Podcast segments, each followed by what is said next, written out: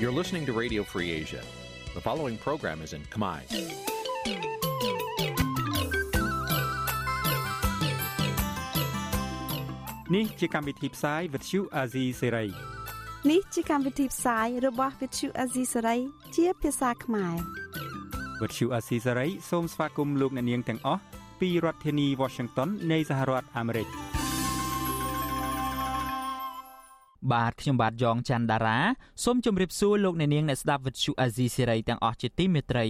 ខ្ញុំបាទសូមជូនកម្មវិធីផ្សាយសម្រាប់ព្រឹកថ្ងៃប្រហ័ស6កើតខែភទ្របទឆ្នាំខាលចត្វាស័កពុទ្ធសករាជ2566ត្រូវនឹងថ្ងៃទី1ខែកញ្ញាគ្រិស្តសករាជ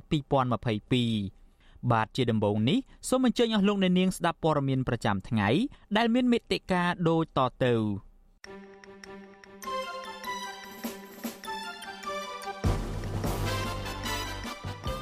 លោកហ៊ុនម៉ាណែតកំពុងបង្កើនយុទ្ធនាការការទូតនៅក្រៅប្រទេស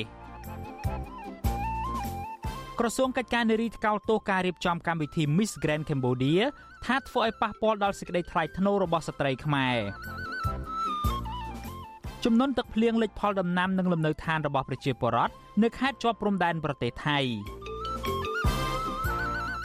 ជនភៀសខ្លួនខ្មែរក្រោមជាច្រើនអ្នកកំពុងរស់នៅលំបាកវេទនានៅក្នុងប្រទេសថៃ រួមនឹងព័ត៌មានសំខាន់សំខាន់មួយចំនួនទៀត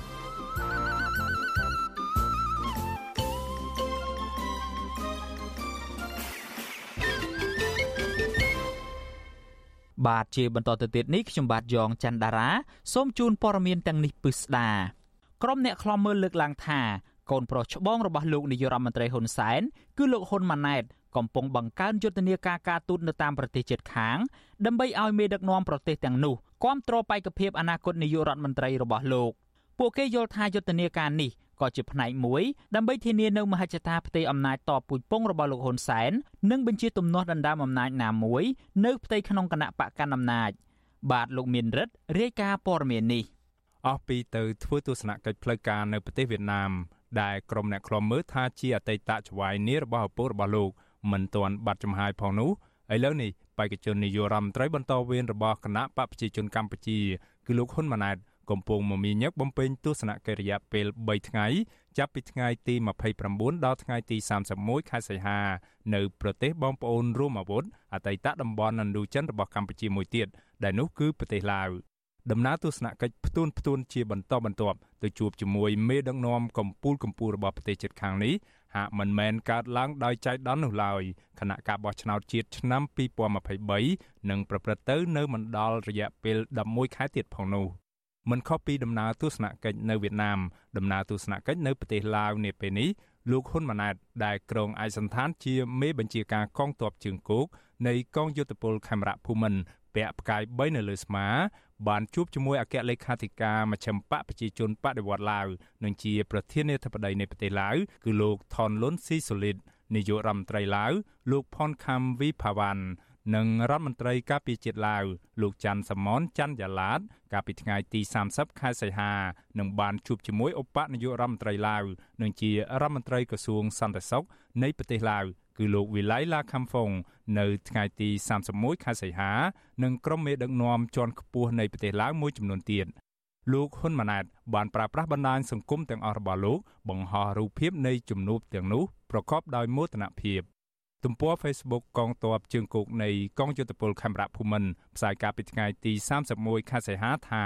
ដំណើរទស្សនកិច្ចនេះគឺធ្វើឡើងក្នុងគោលបំណងរឹតចំណងសាមគ្គីភាពរវាងប្រទេសទាំងពីរគឺកម្ពុជានិងឡាវ ភាគីទាំងពីរបានពិភាក្សាអំពីកិច្ចសហការរវាងកងកម្លាំងនៃប្រទេសទាំងពីរក្នុងការចូលរួមបង្ការទប់ស្កាត់និងបង្ក្រាបបទល្មើសឆ្លងដែនគ្រប់ប្រភេទនៅតាមបណ្ដោយព្រំដែននិងផ្លាស់ប្តូរមតិយោបល់លើការងារសន្តិសុខមួយចំនួនដោយឈរលើមូលដ្ឋាននៃភាពជាដៃគូយុទ្ធសាស្ត្រគ្រប់ជ្រុងជ្រោយនិងយូរអង្វែង អ្នកវិភាគនយោបាយឥតសំចៃមាត់ដែលបច្ចុប្បន្នកំពុងរស់នៅភៀសខ្លួននៅប្រទេសហ្វាំងឡង់ដើម្បីគេចចេញពីការតាមធ្វើទុកបុកម្នេញពីសំណាក់អាជ្ញាធររបស់លោកនាយរដ្ឋមន្ត្រីហ៊ុនសែនវាតម្លៃថាដំណើរទស្សនកិច្ចរបស់លោកហ៊ុនម៉ាណែតនៅប្រទេសឡាវនាពេលនេះគឺមិនខុសពីដំណើរទស្សនកិច្ចការពីដើមខែសីហាកន្លងទៅនៅឯប្រទេសវៀតណាមនោះទេគឺធ្វើឡើងក្នុងគោលដៅដើម្បីស្វែងរកការទទួលស្គាល់បែបការទូត ពីប្រទេសឡាវជុំវិញរឿងបេក្ខភាពអនាគតនាយករដ្ឋមន្ត្រីបន្តវេនរបស់លោកលោកកឹមសុខថាបើទោះបីជាឡាវហាក់មិនសូវមានឥទ្ធិពលខ្លាំងនៅក្នុងផ្ទៃក្នុងរបស់គណៈបកប្រជាជនកម្ពុជាដោយប្រទេសវៀតណាមក៏ដោយក៏លោកថាប្រទេសឡាវអាចជាផ្នែកមួយនៃយុទ្ធសាស្ត្រក្នុងនាមជាប្រទេសភូមិផងរបងជាមិត្តរបស់កម្ពុជា ក្នុងការជួយឲ្យផែនការផ្ទេរអំណាចតពូជពងវងត្រកូលរបស់លោកហ៊ុនសែន បានសម្រេចដោយសវត្ថភាពនិងគ្មានចំនួនបែកបាក់ដណ្ដើមអំណាចផ្ទៃក្នុងនៅក្នុងបកកណ្ដាលអំណាចនោះឡើយវាគ្រាន់ថាទី1ជាមួយឡាវលោកហ៊ុនម៉ាណែតបានបង្ហាញមុខការទូតហើយទី2វាមានផលប្រយោជន៍តិចតួចដែរនៅក្នុងការទប់លំនឹងស្ថានភាពអំណាចពីព្រោះឡាវមានព្រំដែនជាប់ប្រទេសកម្ពុជាប្រសិនបើមានកម្លាំងណាមួយក្នុងផ្ទៃក្នុងគណៈបកប្រជាជនកម្ពុជាប្រើប្រាស់ទឹកដីនៅផ្នែក ក្បែរក្បែរឡាវអញ្ចឹងទៅក្រមលោកហ៊ុនសែនអាចសុំឲ្យឡាវជួយអន្តរាគមន៍ក្នុងការតាមដានអង្កេតហើយនឹងផ្ដល់នៅកិច្ចសហប្រតិបត្តិការផ្ទាល់កុំឲ្យប៉ះពាល់ដល់ផែនការផ្ទៃអំណាចរបស់គាត់ទៅកូនប្រុសរបស់គាត់ណាណា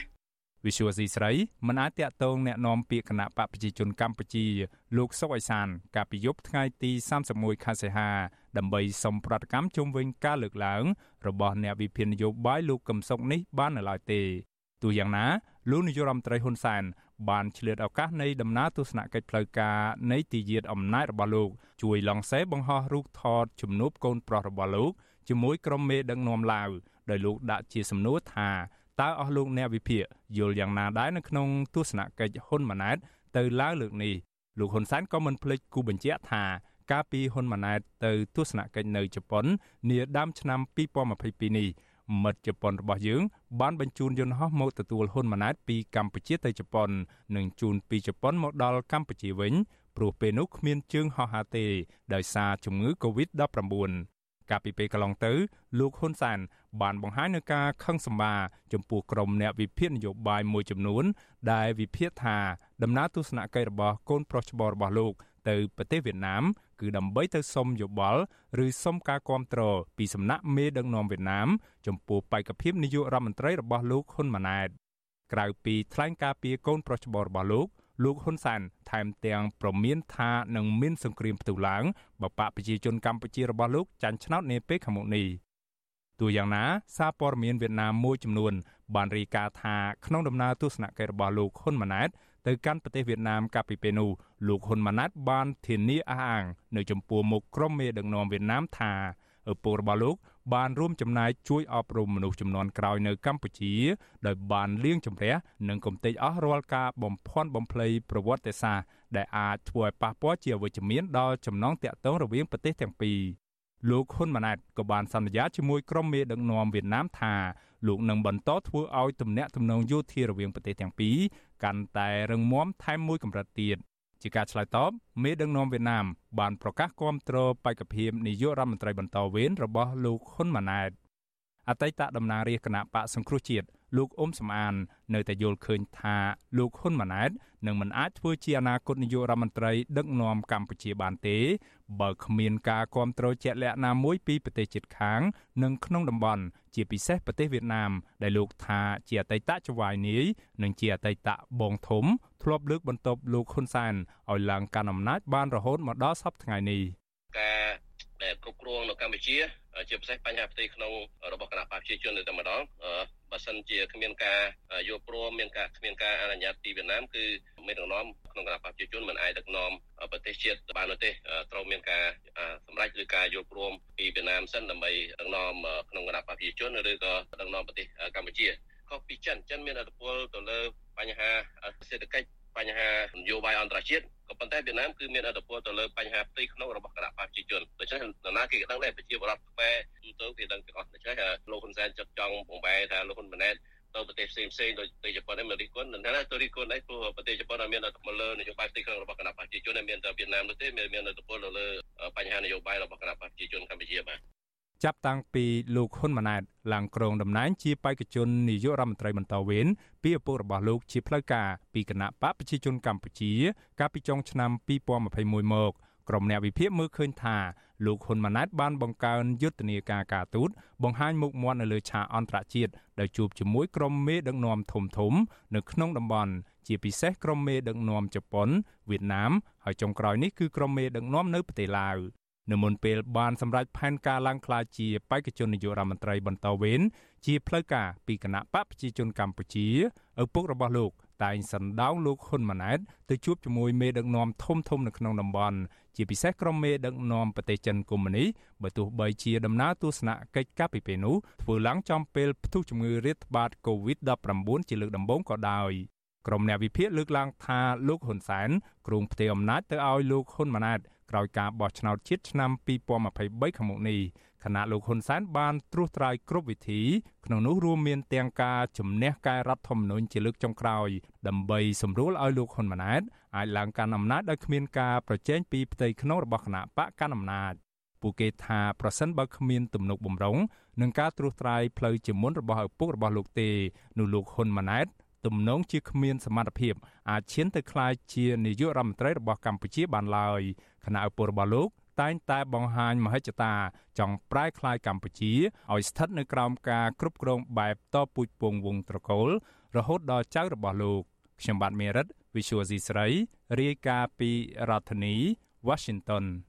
បាទលោកនាងជាទីមេត្រីតុលាការនៅទីក្រុងប៉ារីសប្រទេសបារាំងនឹងបើកសវនាការជំនុំជម្រះក្តីរវាងលោកនាយរដ្ឋមន្ត្រីហ៊ុនសែននៅថ្ងៃប្រហ័សទី1ខែកញ្ញានេះនៅក្នុងសំណុំរឿងបរិហាកេ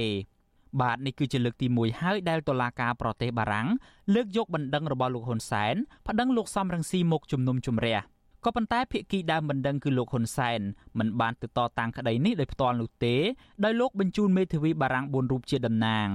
រីឯលោកសំរងស៊ីវិញលោកប្រកាសថានឹងទៅចូលរួមសវនាការនេះរួមទាំងមេធាវីរបស់លោកផង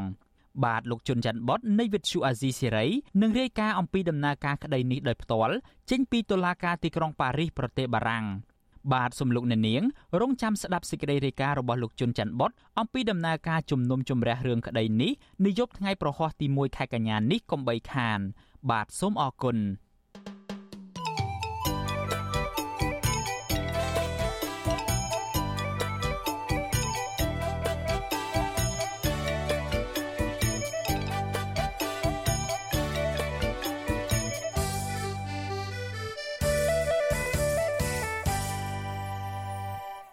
បាទលោកនៅនាងជាទីមេត្រីយើងងាកមករឿងបញ្ហាតាក់ទងទៅនឹងការបោះឆ្នោតវិញគណៈបកនយោបាយក្រៅរដ្ឋាភិបាលចំនួន4បានជួបជាមួយនឹងគណៈកម្មាធិការជាតិរៀបចំការបោះឆ្នោតកាលពីថ្ងៃពុធទី31ខែសីហាម្សិលមិញដើម្បីជជែកគ្នាអំពីការកែតម្រង់ប្រព័ន្ធបោះឆ្នោតនិងដាក់សំណើចំនួនជាង10ចំណុចជូនស្ថាប័នកម្ពុជាមួយនេះ មន្ត្រីអង្គការសង្គមស៊ីវិលជំរុញទៅកោជបពិចារណាតាមការស្នើសុំរបស់គណៈបកនយោបាយទាំងនោះដើម្បីឲ្យសហគមន៍ជាតិនិងអន្តរជាតិមានជំនឿទៅលើស្ថាប័នរៀបចំការបោះឆ្នោតមួយនេះថាជាស្ថាប័នឯករាជ្យបាទលោកជីវិតារាយការណ៍ព័ត៌មាននេះដើម្បីឲ្យការបោះឆ្នោតឆ្នាំ2023ខាងមុខជាការប្រកួតប្រជែងស្មើភាពដំណាភាពនិងយុត្តិធម៌គណៈបកក្រៅរដ្ឋាភិបាលទាំង4 ទទូចឲ្យគណៈកម្មាធិការជាតិរៀបចំការបោះឆ្នោតហៅកាត់ថាគោជបធ្វើកំណែទម្រង់ការបោះឆ្នោតឡើងវិញទៅតាមសំណើរបស់ពួកគេប្រធានគណៈបកឆន្ទៈខ្មែរលោកគង់ម៉ូនីកា ប្រាប់វិទ្យុអាស៊ីសេរីថ្ងៃទី31សីហាថាគោជបបានទទួលជួបតំណាងគណៈបកទាំង4ហើយពួកគេបានដាក់សំណើចំនួន16ចំណុចដើម្បីកែលម្អប្រព័ន្ធបោះឆ្នោតសំណើទាំងនោះ ចំណុចមួយចំនួនពាក់ព័ន្ធនឹងបញ្ហានីតិវិធីនិងការងារបច្ចេកទេសដែលគោជបទទួលយកទៅពិចារណាខណៈចំណុចមួយចំនួនទៀតគោជបយល់ថាមិនពាក់ព័ន្ធនឹងស្ថាប័នរបស់ខ្លួនឡើយ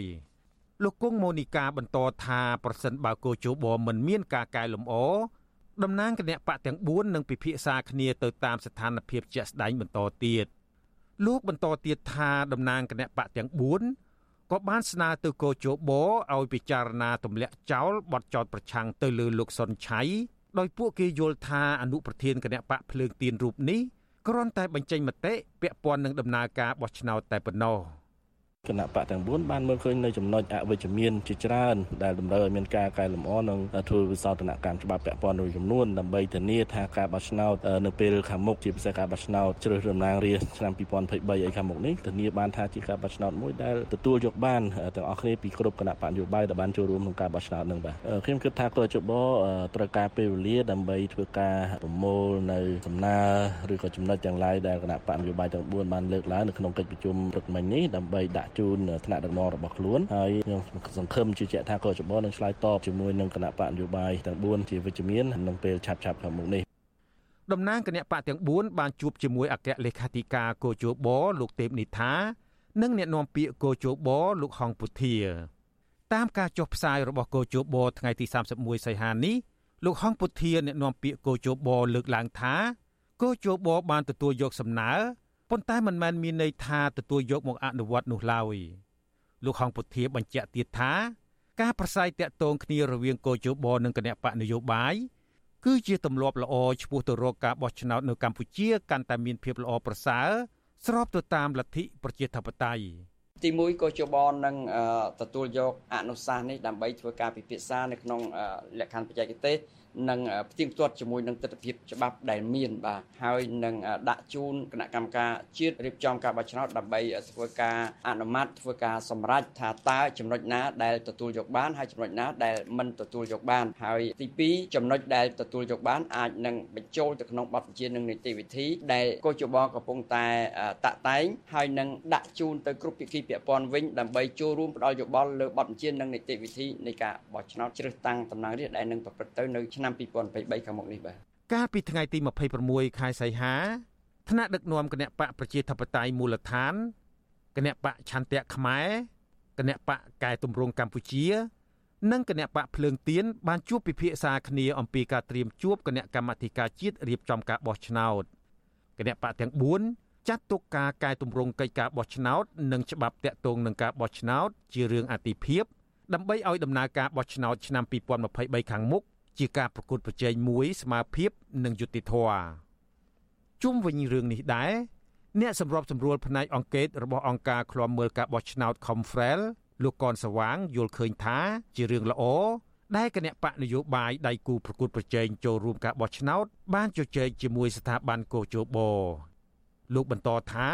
វាជារឿងល្អដែលកោជបអនុញ្ញាតនិងស្ដាប់ក្តីបារម្ភរបស់គណៈបកនយោបាយតាក់ទងនឹងដំណើរការបោះឆ្នោតកន្លងមកនិងការបោះឆ្នោតនាថ្ងៃខាងមុខលោកកនសវាងលើកឡើងថាក្រសួងមហាផ្ទៃនិងរដ្ឋសភាដែលជាស្ថាប័នពាក់ព័ន្ធត្រូវពិនិត្យនិងចូលរួមស្ដាប់ហើយពិចារណាចូលរួមដោះស្រាយដើម្បីធានានៅការបោះឆ្នោតខាងមុខប្រកបដោយសេរីត្រឹមត្រូវនិងទទួលយកបាន។ ខ្ញុំមិនមានយោបល់អីឲ្យជ្រៅទេប៉ុន្តែសម្រាប់នៃការចោតប្រកាន់ទៅលើអនុប្រធាននៃគណៈបកភ្លឹងទៀននេះគឺថាវាជាចំណុចមួយដែលពីមុនមកមិនដែលមាននៅក្នុងនីតិវិធីនៅក្នុងការដោះស្រាយទេប្រទេសណាក៏ដោយគេដែលឃើញមានស្ថាប័នរៀបចំការបោះឆ្នោតហ្នឹងប្តឹងទៅគូអ្នកប្រកួតប្រជែងទេវាមានតែគូប្រកួតប្រជែងហ្នឹងប្តឹងទៅស្ថាប័ននៃការរៀបចំវិញតែសម្រាប់ស្រុកយើងជាការអនុវត្តកន្លងមកវាដែលមានហើយក៏ទើបតែមានដែរដែលគួរឲ្យពិចារណាឡើងវិញសម្រាប់ស្ថាប័នកោយបោនៅក្នុងការរៀបចំនីតិវិធីដឹងនេះគឺថាកោយបោធ្វើឲ្យមានភាពប្រសើរហើយហើយបាទនៅក្នុងការទទួលការស្ដាប់ការជជែកនឹងគួរតែស្ដាប់ហេតុផលផ្សេងទៀតនៅក្នុងការលើកឡើងថាហេតុអ្វីបានជាមានការលើកឡើងបែបហ្នឹងហើយជាការបកស្រាយគ្នាទើបអាចនឹងដោះស្រាយបញ្ហាបានក្រោយការបោះឆ្នោតជ្រើសរើសក្រុមប្រឹក្សាគុំសង្កាត់អាណត្តិទី5កន្លងទៅនេះគណៈបកនយោបាយនិងអង្គការសង្គមស៊ីវិល រកឃើញពីភាពមិនប្រក្រតីមួយចំនួនដូចជាការអនុវត្តការងាររបស់មន្ត្រីកោជបមិនត្រឹមត្រូវដោយពួកគេបិទទ្វារបន្ទប់រាប់សន្លឹកឆ្នោត និងការបិទការិយាល័យមុនដំណើរការរាប់សន្លឹកឆ្នោតជាដើម ក្រៅពីនេះក៏មានអាជ្ញាធរមូលដ្ឋាន ដូចជាមេភូមិឬមេឃុំ អង្គុយចាំកត់ឈ្មោះអ្នកមកបោះឆ្នោត នៅក្នុងបរិវេណនៃការិយាល័យបោះឆ្នោតគណៈបកក្រៅរដ្ឋាភិបាលមួយចំនួនបានទទួលយកលទ្ធផលបោះឆ្នោតទាំងការឈឺចាប់ ស្របពេលដែលអង្គការសង្គមស៊ីវិលជាតិនិងអន្តរជាតិមួយចំនួនបានចេញរបាយការណ៍រិះគន់ពីភាពមិនប្រក្រតីនៃការបោះឆ្នោតក្រុមប្រឹក្សាគុំសង្កាត់កន្លងទៅនេះតំណាងគណៈបកនយោបាយនិងសង្គមស៊ីវិលយល់ថាគោជបគួរតែធ្វើខ្លួនជាស្ថាប័នគំរូល្អនិងឯករាជ្យពីគណៈបកនយោបាយឲ្យស្របតាមច្បាប់កំណត់ ដើម្បីធានាថាគណៈបកនយោបាយដែលចូលរួមការបោះឆ្នោតទទួលបានភាពស្មើគ្នា ស្របច្បាប់ និងប្រកបដោយយុត្តិធម៌ ដែលអ្នកចាញ់ចាញ់ដោយអស់ចិត្តហើយអ្នកឈ្នះឈ្នះដោយថ្លៃថ្នូរដែលពេលនោះហើយប្រហែលជាមិនមានទេនៅការចេញតវ៉ាតាមផ្លូវថ្នល់ខ្ញុំជីវិតាអាស៊ីសេរី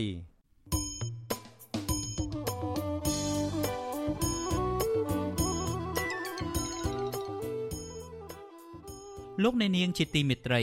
ដំណើរគ្នានឹងស្ដាប់ការផ្សាយវិទ្យុអាស៊ីសេរីតាមបណ្ដាញសង្គម Facebook និង YouTube លោកអ្នកនាងក៏អាចស្ដាប់កម្មវិធីផ្សាយរបស់វិទ្យុអាស៊ីសេរីតាមរលកធាតុអាកាសខ្លីឬ Shortwave តាមកម្រិតនិងកម្ពស់ដូចតទៅនេះពេលព្រឹកចាប់ពីម៉ោង5កន្លះដល់ម៉ោង6កន្លះតាមរយៈរលកធាតុអាកាសខ្លី12140 kHz ស្មើនឹងកម្ពស់ 25m និង13715 kHz ស្មើនឹងកម្ពស់ 22m ពេលយប់ចាប់ពីម៉ោង7កន្លះដល់ម៉ោង8កន្លះតាមរយៈរលកធាតុអាកាសខ្លី 9960 kHz ស្មើនឹងកម្ពស់ 30m 12140 kHz ស្មើនឹងកម្ពស់ 25m និង11885 kHz ស្មើនឹងកម្ពស់ 25m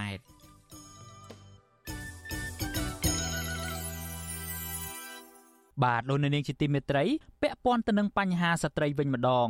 ក្រសួងកិច្ចការនារីប្រតិកម្មទៅនឹងកម្មវិធីប្រឡងបវរកញ្ញា Miss Grand Cambodia ថាបានធ្វើឲ្យប៉ះពាល់ដល់កិត្តិយសសេចក្តីថ្លៃថ្នូរនិងតម្លៃរបស់ស្ត្រីខ្មែរប្រតិកម្មរបស់ក្រសួងនេះកើតឡើងបន្ទាប់ពីលោកនាយរដ្ឋមន្ត្រីហ៊ុនសែនបានប្រកាសជាសាធារណៈឲ្យក្រសួងពាក់ព័ន្ធជាពិសេសក្រសួងវប្បធម៌ពិនិត្យបញ្ហាការប្រឡងបវរកញ្ញា ដែលមានការរិះគន់ច្រើនពីមហាជន ចំណែកក្រមយុវជននិងអ្នកលើកស្ទួយសិទ្ធិស្ត្រីវិញពួកគេសោកស្ដាយដែលក្រសួងកិច្ចការនារីកំពុងអនុវត្តស្តង់ដារ2ដោយមិនបានយកចិត្តទុកដាក់ដោះស្រាយបញ្ហាស្ត្រីដែលកំពុងរងអំពើហិង្សាពីសំណាក់អាជ្ញាធរដែលកើតមាននៅតាមដងផ្លូវស្ទើរជារៀងរាល់ថ្ងៃនោះទេ បាទអ្នកស្រីសុជីវីរាយការណ៍ព័ត៌មាននេះភ្លាមភ្លាមក្រោយពីលោកយមត្រីហ៊ុនសែនប្រកាសឲ្យក្រសួងពាក់ព័ន្ធពិនិត្យមើលការប្រឡងបវរកញ្ញា Miss Grand Cambodia ដែលលោកថាមានការរិះគន់ច្រើនពីសាធារណជន ក្រសួងកិច្ចការនារី បានចេញមុខថ្កោលទោសការរៀបចំកម្មវិធីនេះថាធ្វើឲ្យប៉ះពាល់ដល់សេចក្តីថ្លៃថ្នូររបស់នារីខ្មែរសេចក្តីប្រកាសព័ត៌មានរបស់ក្រសួងកិច្ចការនារីចេញកាលពីថ្ងៃទី31ខែសីហាម្សិលមិញឲ្យដឹងថា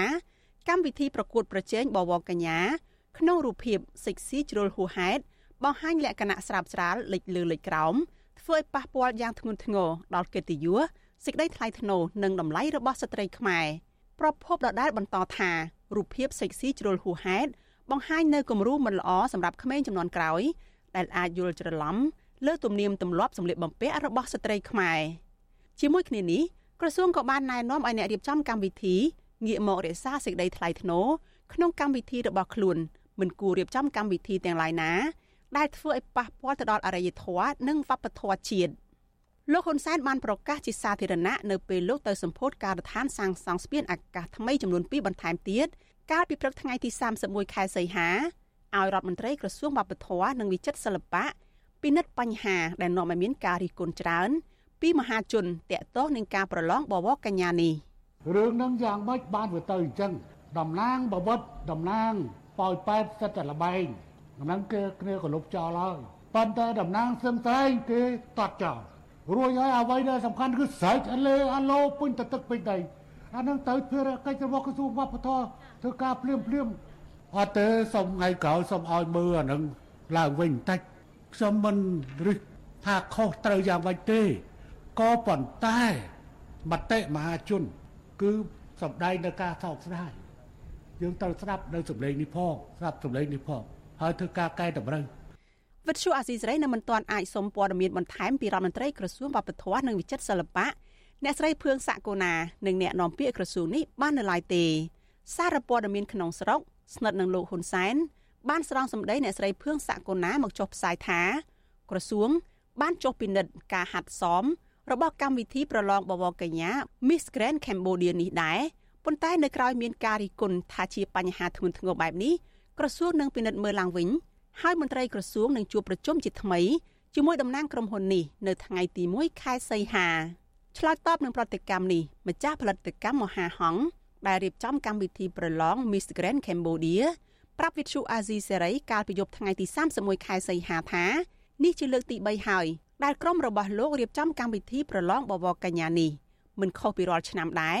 កម្មវិធីនៅក្នុងឆ្នាំ2022នេះតម្រូវឲ្យមានការច្នៃប្រឌិត ទាំងការបង្ហាញខ្លួនរបស់ពេជ្រខានេរី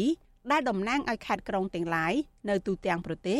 និងបណ្ដាប្រទេសមួយចំនួនទៀតលោកថាការបង្ហាញចំណុចពិសេសរបស់ក្រុងប៉ោយប៉ែតនិងក្រុងបាវិតដែលជាទីក្រុងសម្បូរឬក៏មានសេដ្ឋកិច្ចពឹងផ្អែកជាចម្បងទៅលើវិស័យកាស៊ីណូគឺក្រុមរបស់លោកពុំមានចេតនាអាក្រក់ណាមួយឡើយ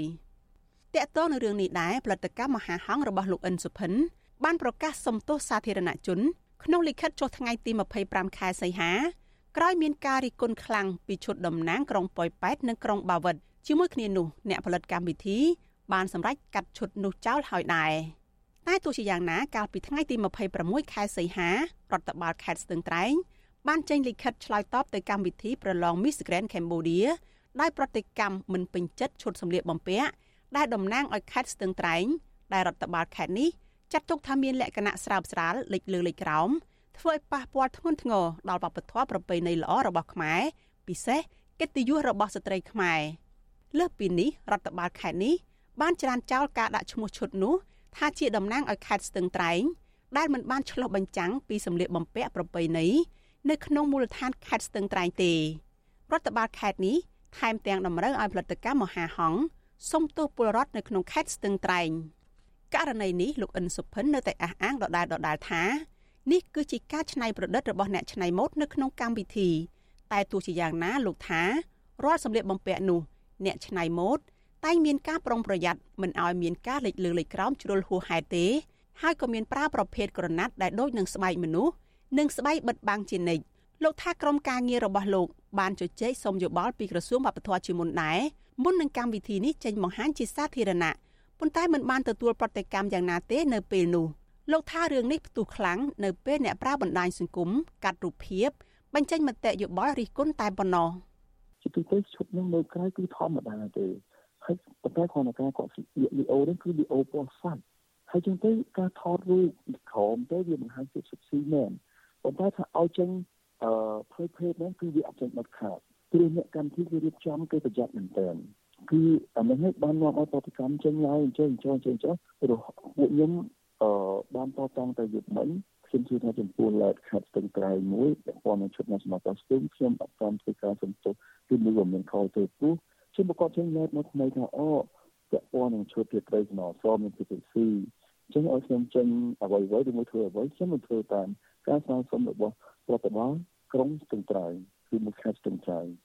ក្រៅពីនេះលោកហ៊ុនសែននិងអ្នកប្រើបណ្ដាញសង្គម Facebook ជាច្រើន បានរិះគន់ការណែនាំខ្លួនរបស់ពេជ្រខានារីប្រឡងបវរកញ្ញានេះថាមិនសមរម្យថែមទៀត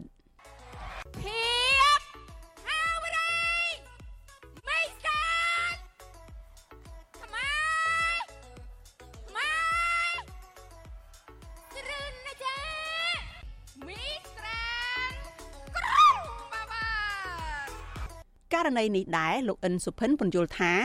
នេះគឺជាទម្រង់មួយឬជាលក្ខណៈពិសេសមួយរបស់កម្មវិធី Miss Grand ដែលធ្វើដូចដូចគ្នានៅលើពិភពលោកហើយមកឲ្យជនបទស្រែកខាងនោះតើគេថាជំទាវអ្នកខ្លះជេរស្លៀកថាអូអូចឹងបបកញ្ញាអត់មានសិទ្ធិស្រែកណែនាំខ្លួនហើយដើម្បីឲ្យគេស្គាល់ខេត្តដែលខ្លួនមិនដែរឲ្យទៅហើយផលប្រយោជន៍មកគឺអ្នកអ្នកគឺចាំអានេះគឺជា style របស់ Miss Grand International Group បាទទោះជាយ៉ាងណាលោកអិនសុភិនថាលោកនឹងទៅជួបពិភាក្សាជាមួយមន្ត្រីក្រសួងវប្បធម៌និងវិចិត្រសិល្បៈដើម្បីដោះស្រាយការរិះគន់របស់សាធារណជននេះបន្តទៀតយ៉ាងនេះក្តីលោកស្នើដល់សាធារណជនឲ្យទទួលយកការច្នៃប្រឌិតថ្មីនិងជៀសវាងការរិះគន់ដែលឈានដល់ការប្រមាថមើលងាយដល់បេក្ខនារីចូលរួមប្រកួតឬការមាក់ងាយរំលោភបំពានទៅលើសិទ្ធិសេរីភាពរបស់ពួកគេក្នុងនាមជាស្ត្រីនិងជាពលរដ្ឋដូចគ្នា តកតនៅរឿងនេះអ្នកធ្វើការងារលើកស្ទួយសិទ្ធិស្ត្រីនិងក្រមយុវជនសោកស្ដាយដែលក្រសួងពាក់ព័ន្ធពិសេសក្រសួងកិច្ចការនារីយកចិត្តទុកដាក់តែទៅលើការរដ្ឋបិទការស្លៀកពាក់របស់ស្ត្រីប៉ុន្តែបានមើលរំលងការប្រាអំពើហិង្សាវាយធ្វើបាបក្រមស្ត្រីតាមដងផ្លូវដោយករណីកោតក្រ Nagawal និងក្រមស្ត្រីថ្ងៃសុកជាដើមប្រធានសហជីពកម្មករសេវាកម្មនិងចំណីអាហារកម្ពុជា អ្នកស្រីអូតេផូលីនលើកឡើងថា ការការពារសេចក្តីថ្លៃថ្នូររបស់ស្ត្រីគួរផ្ដោតទៅលើការផ្ដោតសិទ្ធិអំណាចនិងធានាសិទ្ធិស្ត្រីឲ្យបានពេញលេញមិនមែនជាការកសាងតាមរយៈឲ្យស្ត្រីនឹងលាកពាក់សំសួនបិទលើបិទក្រោមឯហ្នឹងទេ វាត្រូវស្ដែងចេញថាការប្រឹងសិទ្ធិអំណាចរបស់ស្ត្រីហ្នឹងឲ្យស្ត្រីនឹងមានអំណាចតាំងពីការប្រាស្រ័យសិទ្ធិ របស់ខ្លួនជាមូលដ្ឋានហ្នឹងក្នុងការទៀមទាឲ្យមានតលយៈភាពអំណាចនៅក្នុងសង្គមបញ្ជានៅការរំលោភបំពានសិទ្ធិផ្សេងផ្សេងពីអ្នកមានអំណាចអានោះជាការការពារមួយពិតប្រាកដចំណែកយុវជននៃក្រមខ្មែរថាវរៈលោកស្វាយសំណាងមើលឃើញថាប្រតិកម្មរបស់ក្រសួងកិច្ចការនារីនៅពេលនេះគ្រាន់តែជាឡបឡែបិទបាំងភាពអសកម្មរបស់ខ្លួននៅរាល់ការមិនអើពើនិងការធ្វើទុកបុកម្នេញក្រមស្ត្រីដែលចេញតវ៉ាតាមដងផ្លូវ លោកថាក្រមរបស់លោកនៅតែប្រកាន់ជំហរស្នើរដ្ឋមន្ត្រីក្រសួងកិច្ចការនារីចុះចេញពីតំណែងជាការឆ្លើយតបនឹងការអនុវត្តការងារមានស្តង់ដារ2បែបនេះតែអ្វីដែលនៅពីក្រោយខ្នងគឺក្រសួងគឺគឺអាចសកម្មខ្លាំងមែនទែនតកតងជាមួយនឹងស្ត្រីដែលពួកគាត់តែងតែរងផលប៉ះពាល់ពីក្រមអាជ្ញាធរតកតងជាមួយនឹងក្រមស្ត្រីនៅក្នុងក្រមយុវជនខ្មែរថាវរៈក្រមស្ត្រីថ្ងៃសុកក្រមស្ត្រីកោតកោជាក្រម កោតកោ Nagawal ហ្នឹងគឺក្រសួងគាត់មិនបានយកចិត្តទុកដាក់អីចឹងមានន័យថាអ្វីដែលជាបញ្ហាធំចម្បងនោះគឺក្រសួងគាត់ហាក់បីដូចជាមើលរំលងបាទមានន័យថាគាត់សកម្មប៉ុន្តែបំផន់ភ្នែករបស់មហាជនវិទ្យុអាស៊ីសេរីបានជាយាមតាក់ទងទៅអ្នកនាំពាក្យក្រសួងកិច្ចការនារីអ្នកស្រីម៉ាន់ចិន្តាជាច្រើនដងកាលពីយប់ថ្ងៃទី31ខែសីហាប៉ុន្តែទូរស័ព្ទចូលគ្មានអ្នកទទួល អ្នកធ្វើការងារលើកស្ទួយសិទ្ធិស្ត្រីលើកឡើងដែរថាការបំពេញការងាររបស់រដ្ឋមន្ត្រីនិងមន្ត្រីនៅតាមក្រសួងគឺមានជាប់តាក់ទងជាប្រព័ន្ធនិងឥទ្ធិពលរបស់មេដឹកនាំកម្ពុជាហើយការផ្លាស់ប្ដូរណាមួយដើម្បីឲ្យក្រសួងកិច្ចការនារីអាចបំពេញតួនាទីបម្រើផលប្រយោជន៍ប្រជាពលរដ្ឋពិតប្រាកដនោះគឺទាមទារឲ្យមេដឹកនាំប្រទេសទុកឲ្យក្រសួងនេះបំពេញការងាររបស់ខ្លួនដោយឯករាជ្យនាងខ្ញុំសុជីវី វិទ្យុអាស៊ីសេរីពីរដ្ឋធានី Washington អាស៊ីសេរីលោកនាងជាទីមេត្រីប្រជាពលរដ្ឋខ្មែរកម្ពុជាក្រោមដែលកំពុងភៀសខ្លួននៅប្រទេសថៃកំពុងជួបការលំបាកផ្នែកសុវត្ថិភាពគ្មានឯកសារស្របច្បាប់គ្មានបានការងារគ្មានប្រាក់ចំណូលនិងកូនចៅមិនបានទៅសាលារៀនហើយរស់នៅពុំមានកោះត្រោយពួកគាត់ឲ្យដឹងថាមានអ្នកខ្លះ បានភៀសខ្លួនទៅនៅប្រទេសថៃជាង10ឆ្នាំទៅហើយក៏ប៉ុន្តែមិនទាន់ទទួលបានសិទ្ធិស្របច្បាប់ទៅតាំងទីលំនៅថ្មីនៅប្រទេសទី3នៅឡើយទោះជាយ៉ាងនេះក្តីពួកគាត់នៅតែមានក្តីសង្ឃឹមថាអង្គការសហប្រជាជាតិនឹងផ្ដល់សិទ្ធិសេរីភាពនិងយកពួកគាត់ទៅរស់នៅប្រទេសទី3នៅពេលខាងមុខបាទសំលោកអ្នកនាង រងចាំស្ដាប់សេចក្តីរាយការណ៍ព័ត៌មាននេះនៅក្នុងកម្មវិធីផ្សាយរបស់យើងនាពេលបន្តិចទៀតនេះ thank you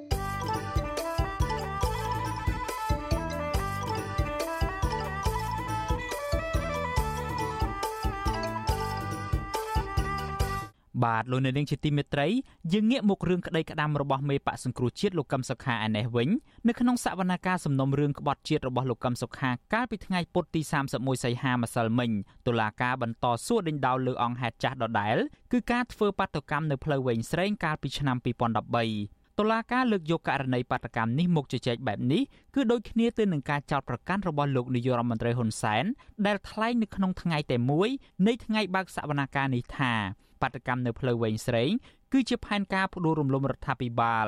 មន្ត្រីអង្គការសង្គមស៊ីវិលចាត់ទុកសម្ដីរបស់លោកហ៊ុនសែននេះថាជាការដាក់សម្ពាធទៅលើតុលាការបាទលោកសេកបណ្ឌិតសូមជូនសេចក្តីរាយការណ៍ព័ត៌មាននេះលោកហ៊ុនសែនក៏មិនខុសពីតុលាការក្រុងភ្នំពេញដែរគឺបានព្យាយាមទាញយកករណីបាតកម្មនៅផ្លូវវែងស្រេងនិងបាតកម្មនៅស្ពានអាកាសស្ទឹងមានជ័យថាមានទំនាក់ទំនងជាមួយនឹងបាតកម្មគណៈបកសង្គ្រោះជាតិ អ្នកឃ្លាំមើលសវនាការជំរុញទៅតុលាការថាគួររកភ័ស្តុតាង ដែលជាសកម្មភាពរបស់លោកកម្មសខា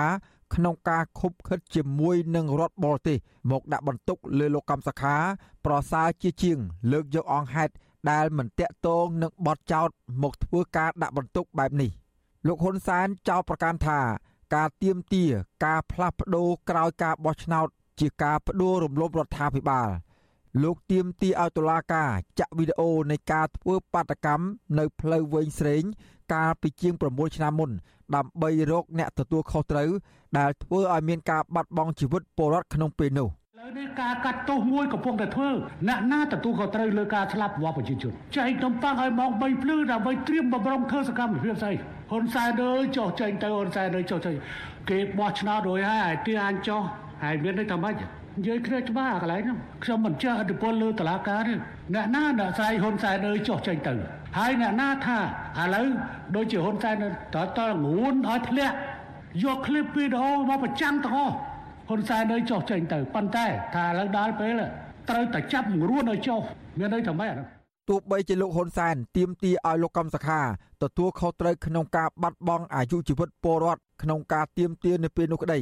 ប៉ុន្តែអ្នកបាញ់សម្លាប់បាតកោក្នុងការទាមទារនោះគឺក្រមសមត្ថកិច្ចនៃរដ្ឋាភិបាលរបស់លោកហ៊ុនសែនលោកហ៊ុនសែនថ្លែងដូចនេះក្នុងពិធីបើកការដ្ឋានសាងសង់ស្ពានអាកាសក្នុងរាជធានីភ្នំពេញ នៅព្រឹកថ្ងៃទី31ខែសីហាទោះយ៉ាងណាលោកហ៊ុនសែនថាការថ្លែងរបស់លោកមិនមែនជាការបង្គាប់បញ្ជាទៅតុលាការនោះទេប៉ុន្តែដំណើរគ្នានៃការថ្លែងរបស់លោកហ៊ុនសែនបែបនេះ នៅក្នុងបន្ទប់សវនាការ តំណាងអាយកាបន្តយកវីដេអូចាស់ចាស់នៃការធ្វើបាតកម្មរបស់ក្រុមកម្មកររោងចក្រទាមទារឲ្យដំឡើងប្រាក់ឈ្នួលកាលពីឆ្នាំ2013មកចោទសួរលោកកម្មសខា ចំណែកលោកកម្មសខា នៅតែអះអាងដដែលដដែលថាលោកទទួលខុសត្រូវតែបាតកម្មរបស់គណៈបកសង្គ្រោះជាតិនៅទីលានប្រជាធិបតេយ្យប៉ុណ្ណោះមេធាវីការពីក្តីលោកកម្មសខា គឺលោកមេធាវីផែងហេងថ្លែងប្រាប់អ្នកសារព័ត៌មានក្រោយចប់សវនាការថា ការធ្វើបាតកម្មនៅផ្លូវវែងស្រេងតុលាការបានរកឃើញអ្នកទទួលខុសត្រូវរួចហើយគឺមិនជាប់ពាក់ព័ន្ធនឹងលោកកម្មសខាឬគណៈបកសង្គ្រោះជាតិនោះទេលោកមេធាវីរិះគន់ថាការចោទសួរលោកកម្មសខា អំពីរឿងបាតកម្មនេះ គឺខុសពីអង្គហេតុនៃសំណុំរឿងក្បត់ជាតិនិងជាការអូសបន្លាយពេលវេលា លោកអះអាងថាលោកកម្មសខា មិនបាននាំបរទេសចូលមកកម្ពុជាផ្ដួលរំលំរដ្ឋាភិបាលនោះទេ ហើយមកទល់នឹងពេលនេះក៏គ្មានរដ្ឋបរទេសណាមួយ មកផ្ដួលរំលំរដ្ឋាភិបាលដែរធ្វើឲ្យប៉ះពាល់ដល់សិទ្ធិរបស់ឲ្យដំក្រុមការផ្ទាល់ខ្ញុំខ្ញុំគិតថារឿងនេះបាត់ចោលក៏មិនបាច់ដោស្អីមិនបាច់ដោគឺតឡាការអាចបបលដំរឿងទាំងមូលយកទៅឲ្យអ្នកនយោបាយដោះស្រាយទៅសវនាការសប្តាហ៍ទី54នេះ មានតំណាងស្ថានទូតបរទេសនិងតំណាងអង្គការសហប្រជាជាតិប្រចាំនៅកម្ពុជាតំណាងអង្គការសង្គមស៊ីវិលក្នុងស្រុកបានចូលរួមស្ដាប់នៅក្នុងបន្ទប់ជំរះក្តីដោយឡែកអ្នកគាំទ្រលោកកម្មសខាប្រមាណ70នាក់មកពីខេត្តកំពង់ស្ពឺ និងខេត្តកណ្ដាលជាដើមនោះនៅតែបន្តឃ្លាំមើលសវនាការនេះនៅខាងមុខតុលាការដែលស្ថិតនៅក្រោមការរឹតបន្តឹងសន្តិសុខពីសមត្ថកិច្ចប្រមាណ20នាក់នៅជុំវិញបរិវេណតុលាការនោះ អ្នកគាំទ្រលោកកម្មសខាទាមទារឲ្យរដ្ឋាភិបាលដោះលែងលោកកម្មសខាឲ្យមានសេរីភាពឡើងវិញព្រោះលោកយល់ថាលោកកម្មសខាមិនប្រព្រឹត្តបទល្មើសដោយការចោទប្រកាន់នោះទេ លោកសង្កេតឃើញទៀតថាចាប់តាំងពីតុលាការបើកសវនាការតាំងពីដើមរហូតមកទល់នឹងពេលនេះតុលាការគ្មានភ័ស្តុតាងដាក់បន្ទុកលើលោកកម្មសខានោះទេឆ្លមើលទៅខ្ញុំមានជំនឿមួយគិតថាគ្រប់មជ្ឈដ្ឋានមិន ថាអង្គការថាអន្តរជាតិឬក៏ប្រជាពលរដ្ឋគាត់បានចូលរួមនិងជំរុញឲ្យតុលាការពន្យាឬក៏ឆាប់បញ្ចប់នៅរឿងក្តីលោកប្រធានកម្មវិធីបានចូលរួមក្នុងការបោះឆ្នោតក្នុងអាណត្តិ2028នេះ2023នេះគិតមកដល់ពេលនេះលោកកម្មសខាបានបាត់បង់សិទ្ធិសេរីភាពជិត5ឆ្នាំហើយព្រោះរដ្ឋាភិបាលលោកហ៊ុនសែនបានចោទប្រកាន់ថាមេបកប្រឆាំងរូបនេះបានខុបខិតជាមួយនឹងរដ្ឋបរទេស ដើម្បីផ្ដួលរំលំរដ្ឋាភិបាល បើគ្មានអ្វីប្រែប្រួលទេតុលាការនឹងបន្តសវនាការនេះនៅសប្តាហ៍ក្រោយទៀតគឺនៅថ្ងៃពុធទី7ខែកញ្ញាប្រធានអង្គការសម្ព័ន្ធភាពការពារសិទ្ធិមនុស្សកម្ពុជាហៅកាត់ថាច្រាក់លោករស់សថា បានយល់ថា ការកាត់ក្តីលោកកម្មសខា មានចរិតនយោបាយច្រើនជាងការអនុវត្តច្បាប់លោកបន្តថាតុលាការបានចោទប្រកាន់ទាំងគ្មានភស្តុតាងលោកលើកឡើងទៀតថា ការថ្លែងរបស់លោកហ៊ុនសែនក្នុងពេលតុលាការដំណើរការឬក្តីនេះជាការដាក់សម្ពាធលើប្រព័ន្ធតុលាការឲ្យធ្វើអ្វីតាមការចង់បានរបស់ខ្លួនគណៈរដ្ឋាភិបាលជាអ្នកប្តឹងលោកកម្មសខា ចឹងគាត់ថាខ្ញុំមិនចោតប្រកាន់អីទេខ្ញុំគាត់ថាដើម្បីឲ្យវិយុទ្ធធម៌អស់គ្នាគឺថាយើងកុំលុបលាន់ណាអ្នកនយោបាយគឺថាមេរណមគឺថាទុកកិច្ចការនឹងឲ្យការងារតឡាការគេធ្វើការមើលរឿងនឹងយ៉ាងណាយ៉ាងណាក្នុងចោតប្រកាន់ក្នុងប្រព័ន្ធតឡាការកុំឲ្យមានការនិយាយអីមួយផ្លែអីមួយធ្វើឲ្យមានការសម្ពាធគឺដល់តឡាការនេះតាមយោបល់របស់ខ្ញុំណាអ្នកតាមដានស្ថានភាពសង្គមយល់ថាការអូសបន្លាយពេលវេលាលើសំណុំរឿងនេះគឺរដ្ឋាភិបាលលោកហ៊ុនសែនចង់ឲ្យលោកកំសខា ខឹងច្រឡោតគ្រប់គ្រងខ្លួនឯងលែងបាន ហើយផ្ដល់ចម្លើយមួយចំនួន ដែលធ្វើឲ្យតុលាការអាចចាប់កំហុសលោកកំសខា ចំណុចសំខាន់មួយ គឺតុលាការចង់ឲ្យលោកកំសខាទ្រាំលែងបាន រួចក៏សារភាពទោសទាំងដោយលោកគ្មានកំហុសខ្ញុំបាទសេកបណ្ឌិតវត្តជូអាស៊ីសេរីពីរដ្ឋធានីវ៉ាស៊ីនតោនបាទលោកអ្នកនាងជាទីមេត្រី តកតងទៅនឹងលទ្ធផលប្រជុំស្ដីពីប្រាក់ឈ្នួលអបបរមាសម្រាប់កម្មករនៅឆ្នាំ2023វិញក្រសួងការងារបង្ហាញលទ្ធផលនៃកិច្ចប្រជុំក្រុមប្រឹក្សាជាតិប្រាក់ឈ្នួលអបបរមាលើកទី3ភាគីតំណាងកម្មករនយោជិតបានបន្ថយចំនួនប្រាក់ឈ្នួលអបបរមាពីចំនួន215ដុល្លារមកត្រឹម213ដុល្លារអាមេរិកនៅក្នុងមូលដ្ឋាននៃការចរចាកាលពីថ្ងៃទី31ខែសីហាម្សិលមិញសេចក្តីប្រកាសព័ត៌មានរបស់ក្រសួងការងារនិងបណ្ដុះបណ្ដាលវិជ្ជាជីវៈឲ្យដឹងថា កិច្ចប្រជុំក្រុមប្រឹក្សាជាតិប្រាក់ឈ្នួលអបបរមាជាលើកទី3នេះភាគីនយោជកនិងភាគីតំណាងគណៈកម្មការកាន់តែខិតជិតគ្នាហើយបើផ្អែកទៅលើតួលេខដែលភាគីទាំងពីរបានកំណត់ពីចំនួន215ដុល្លារអាមេរិកមកតួលេខ213ដុល្លារអាមេរិកនេះសេចក្តីប្រកាសដដែលឲ្យដឹងទៀតថាក្រោយការប្រជុំផ្ទៃក្នុងចំនួន2លើកកន្លងទៅនេះ ភាគីនយោជកក៏បានដំឡើងតួលេខពីចំនួន194ដុល្លារអាមេរិកទៅតួលេខ196ដុល្លារជាមូលដ្ឋាននៅក្នុងការចរចាលើចំនួនប្រាក់ឈ្នួលអបបរមាសម្រាប់ឆ្នាំ2023ដោយភាគីទាំងពីរ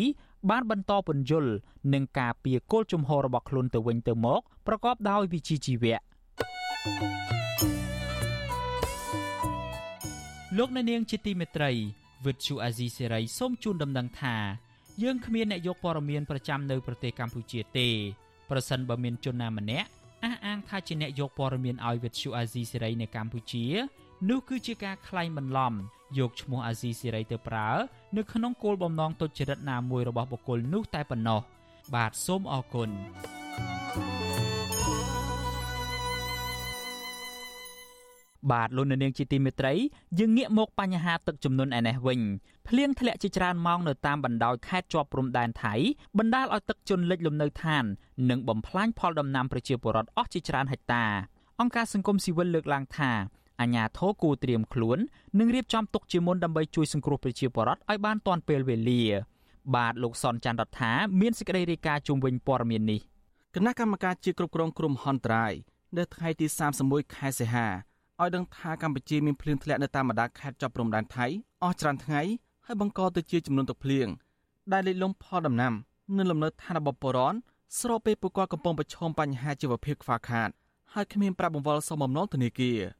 បរននៅឃុំរំទុំស្រុករវៀងលោកស្រីយឹមផាតឲ្យវិទ្យុអេស៊ីសរ៉ៃដឹងថ្ងៃទី31ខែសីហាថាភ្លៀងធ្លាក់ជាប់គ្នាជាង10ថ្ងៃបានបំផ្លាញចំការរបស់លោកស្រីអស់3អេតា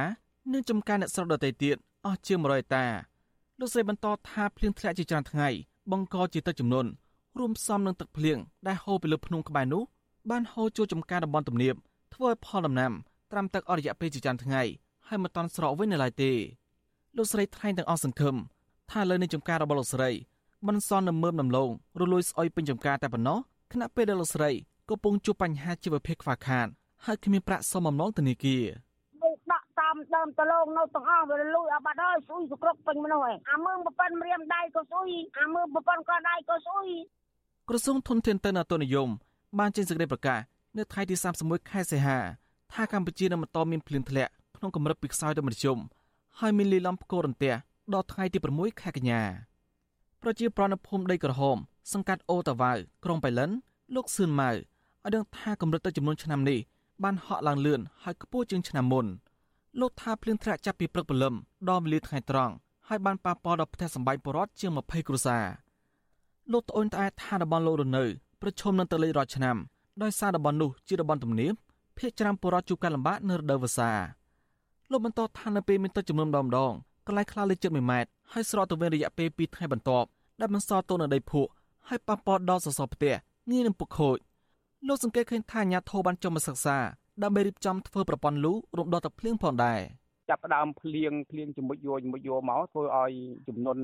មកពេញផ្ទះលិចផ្ទះលិចអីចឹងហ្មងទៅវិទ្យុអេស៊ីសរ៉ៃមិនតាន់អាចតទៅណែនាំពីក្រសួងធនធានទឹកនៅអតុនិយមលោកច័ន្ទយុធានិងអភិបាលក្រុងបៃលិនលោកសុនយីដើម្បីសុំការថាតបាយបន្ថែម អំពីរឿងនេះបាននៅឡើយទេ នៅថ្ងៃទី31ខែសីហាជុំវិញរឿងនេះអ្នកសម្របសម្រួលផ្នែកខ្លំមើលការរំលោភសិទ្ធិមនុស្សនៃអង្គការលីកាដូលោកអិនគុនចិន យល់ឃើញថាអាញាធរត្រូវយកចិត្តទុកដាក់ដើម្បីជួយសង្គ្រោះពលរដ្ឋឲ្យទាន់ពេលវេលាប្រសិនបើទឹកបន្តឡើងដល់កម្រិតប្រការអាសន្នហើយផ្ដល់ជំនួយស្បៀងអាហារពិសេសជួយដល់ការដាំដុះរបស់ពលរដ្ឋនៅពេលទឹកស្រកទៅវិញដោយសារពលរដ្ឋរងគ្រោះភ័យច្រើនជាពលរដ្ឋក្រីក្រដែលប្រឈមនឹងបញ្ហាជីវភាពនិងបំណុលធនាគារគណៈកម្មការ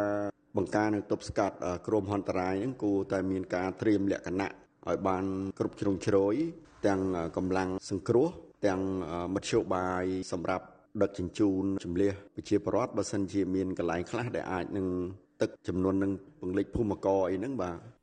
ក្រសួងធនធានទឹកនិងអតុនិយមឲ្យដឹងថាខេត្តបាត់ដំបងមានភ្លៀងធ្លាក់ពីព្រឹកព្រលឹមដល់ថ្ងៃត្រង់ទី31ខែសីហា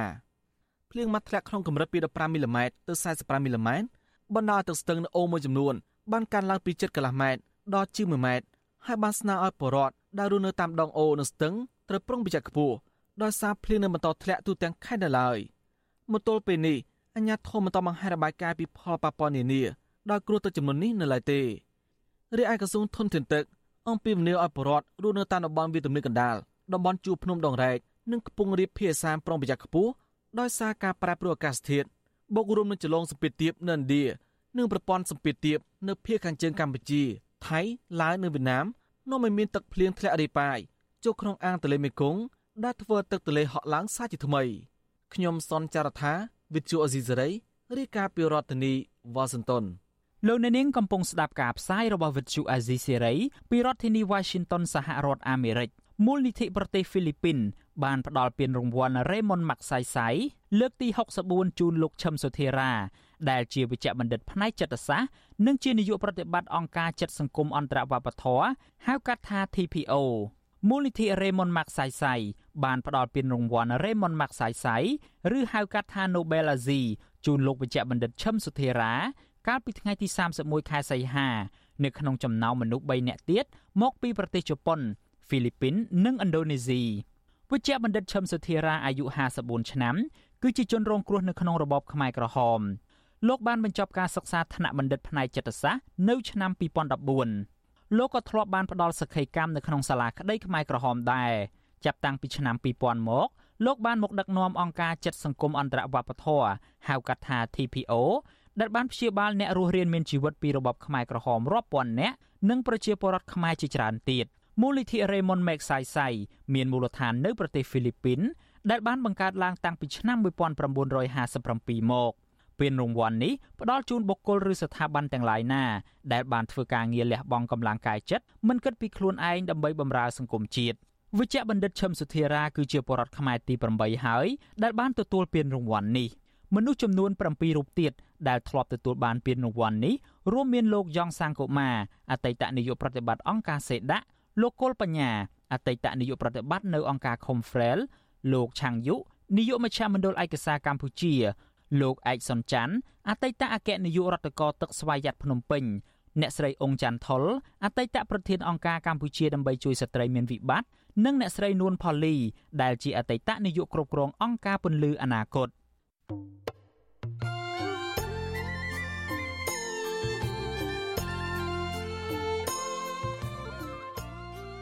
លោកអ្នកនាងជាទីមេត្រី នៅក្នុងឱកាសនេះដែរខ្ញុំបាទសូមថ្លែងអំណរគុណដល់លោកអ្នកនាងកញ្ញាទាំងអស់ ដែលតែងតែមានភក្ដីភាពចំពោះការផ្សាយរបស់យើង ហើយចាត់ទុកការស្ដាប់វិទ្យុអាស៊ីសេរីជាផ្នែកមួយនៃសកម្មភាពប្រចាំថ្ងៃរបស់លោកអ្នកនាងគឺការគ្រប់គ្រងរបស់លោកអ្នកនាងនេះហើយដែលធ្វើឲ្យយើងខ្ញុំមានទឹកចិត្តកាន់តែខ្លាំងថែមទៀតនៅក្នុងការស្វែងរកនិងផ្តល់ព័ត៌មានជូនលោកអ្នកនាងមានអ្នកស្ដាប់អ្នកទស្សនាកាន់តែច្រើនកាន់តែធ្វើឲ្យយើងខ្ញុំមានភាពស្វាហាប់មោះមុតជាបន្តទៅទៀតយើងខ្ញុំសូមអរគុណទុកជាមុនហើយសូមអញ្ជើញលោកអ្នកនាងកញ្ញា ចូលរួមជំរុញឲ្យសកម្មភាពផ្តល់ព័ត៌មានរបស់យើងនេះឲ្យកាន់តែជោគជ័យបន្ថែមទៀតលោកអ្នកនាងអាចជួយយើងខ្ញុំបានដោយគ្រាន់តែចុចចែករំលែកឬ Share ការផ្សាយរបស់យើងនៅលើបណ្ដាញសង្គម Facebook និង YouTube ទៅកាន់មិត្តភ័ក្តិដើម្បីឲ្យការផ្សាយរបស់យើងបានទៅដល់មនុស្សកាន់តែច្រើន បាទសូមអរគុណ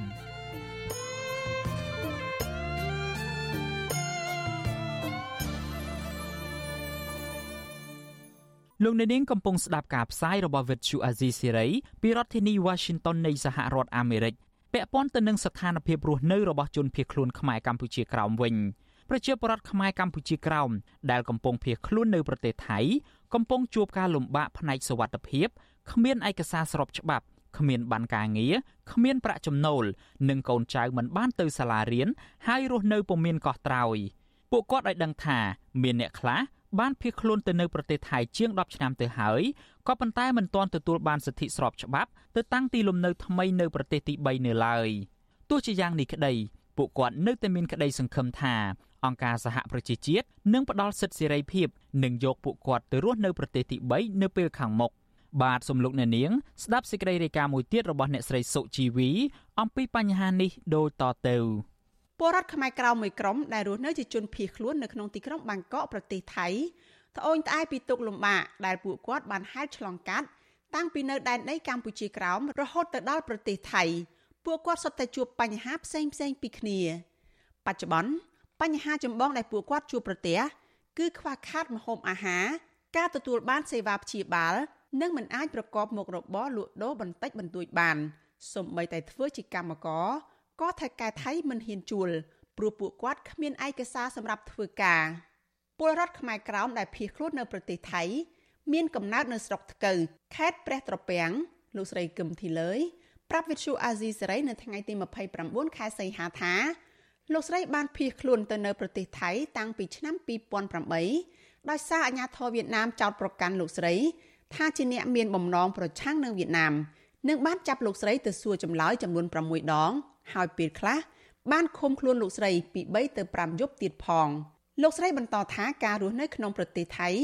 មានការលំបាកខ្លាំងនិងមិនអាចដើរហើរតាមចិត្តបាន គឺត្រូវរស់នៅដោយលួចលាក់និងត្រូវរត់គេចពីប៉ូលីសពេលដែលគេចុះទៅឆែកឆេរហើយមិនអាចធ្វើការងារអ្វីបានទេ គឺរស់នៅពឹងតែលើការឧបត្ថម្ភបន្តិចបន្តួច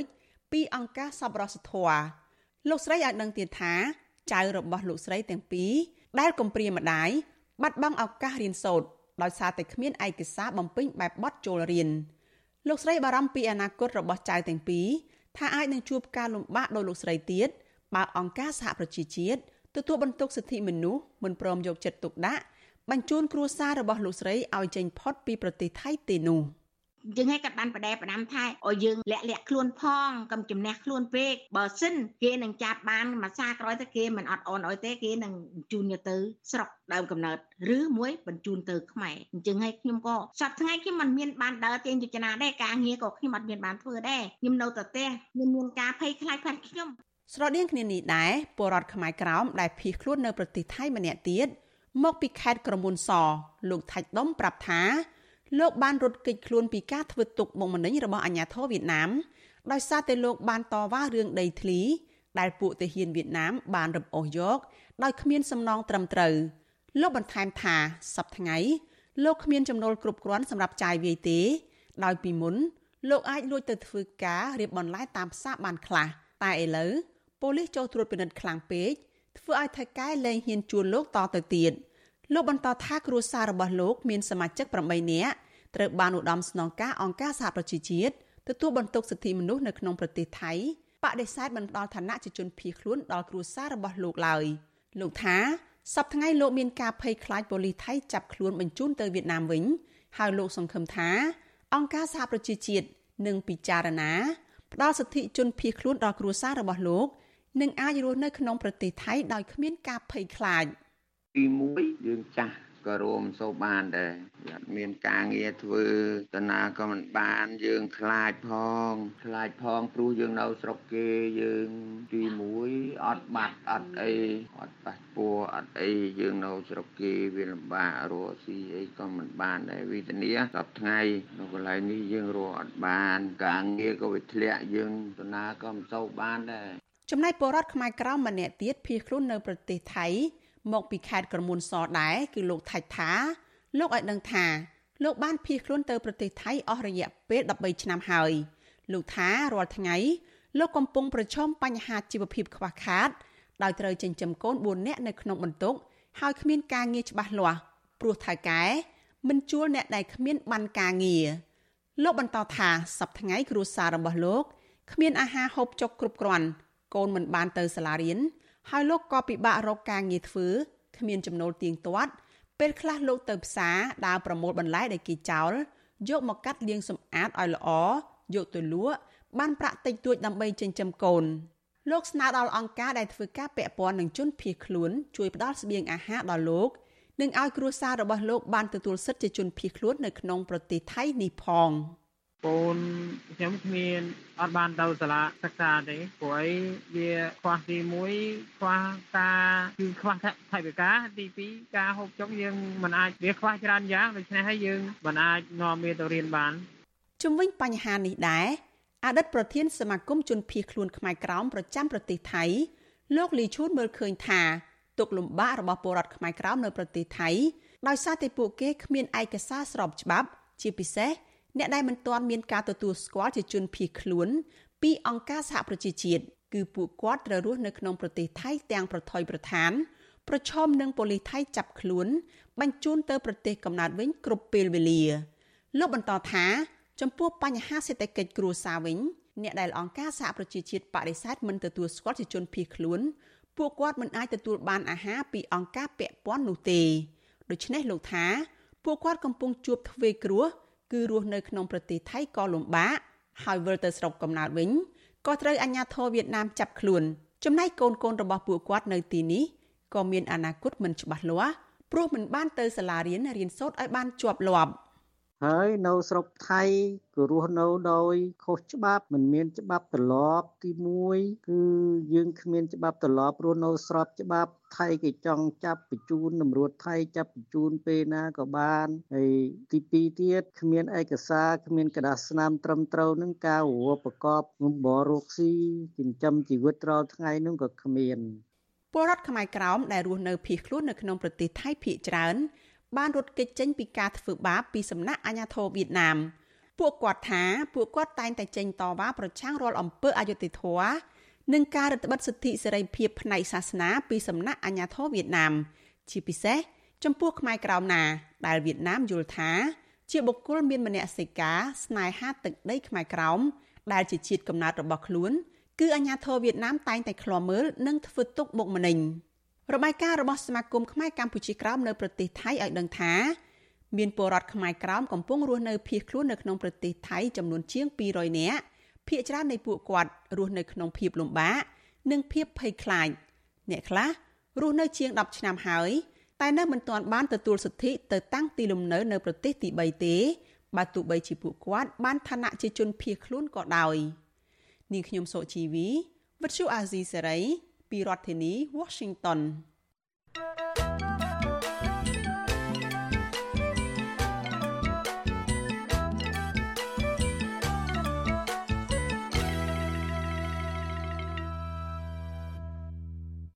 បាទលោកនាងជាទីមេត្រីតុលាការនៅទីក្រុងប៉ារីសប្រទេសបារាំងនឹងបើកសវនាការជំនុំជម្រះក្តីរវាងលោកនាយរដ្ឋមន្ត្រីហ៊ុនសែននៅថ្ងៃប្រហ័សទី1ខែកញ្ញានេះនៅក្នុងសំណុំរឿងបរិហាកេ បាទនេះគឺជាលើកទី1ហើយដែលតុលាការប្រទេសបារាំងលើកយកបណ្ដឹងរបស់លោកហ៊ុនសែនប្តឹងលោកសំរងស៊ីមកជំនុំជម្រះក៏ប៉ុន្តែភាគីដើមបណ្ដឹងគឺលោកហ៊ុនសែនមិនបានទៅតតាំងក្តីនេះដោយផ្ទាល់នោះទេដោយលោកបញ្ជូនមេធាវីបារាំង4រូបជាតំណាងរីឯលោកសំរងស៊ីវិញលោកប្រកាសថានឹងទៅចូលរួមសវនាការនេះរួមទាំងមេធាវីរបស់លោកផង បាទលោកជុនច័ន្ទបតនៃវិទ្យុអាស៊ីសេរីនឹងរាយការណ៍អំពីដំណើរការក្តីនេះដោយផ្ទាល់ចេញពីតុលាការទីក្រុងប៉ារីសប្រទេសបារាំងបាទសំលោកអ្នកនាងរងចាំស្ដាប់សេចក្តីរាយការណ៍របស់លោកជុនច័ន្ទបតអំពីដំណើរការជំនុំជម្រះរឿងក្តីនេះនាយប់ថ្ងៃប្រហ័សទី1ខែកញ្ញានេះកុំបីខាន បាទសូមអរគុណ